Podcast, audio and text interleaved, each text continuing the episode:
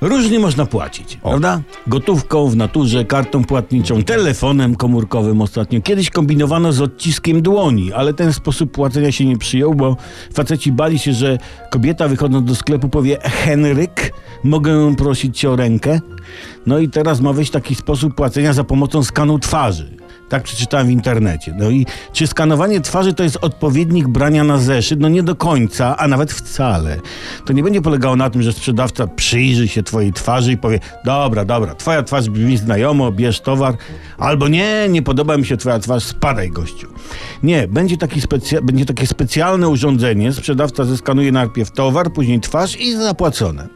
No niby fajnie, nie? Ale co ma zrobić ktoś, kto ma taką twarz jak ja? Kiedyś za studenckich czasów pytałem w sklepie, da mi pan piwo na zeszyt i sprzedawca ocz mi przeskanował moją twarz? Nie. Przecież jak system zeskanuje moją gębę, to powie do sprzedawcy, kurczę, popatrz stary, no, ktoś psa po zakupy przysłał.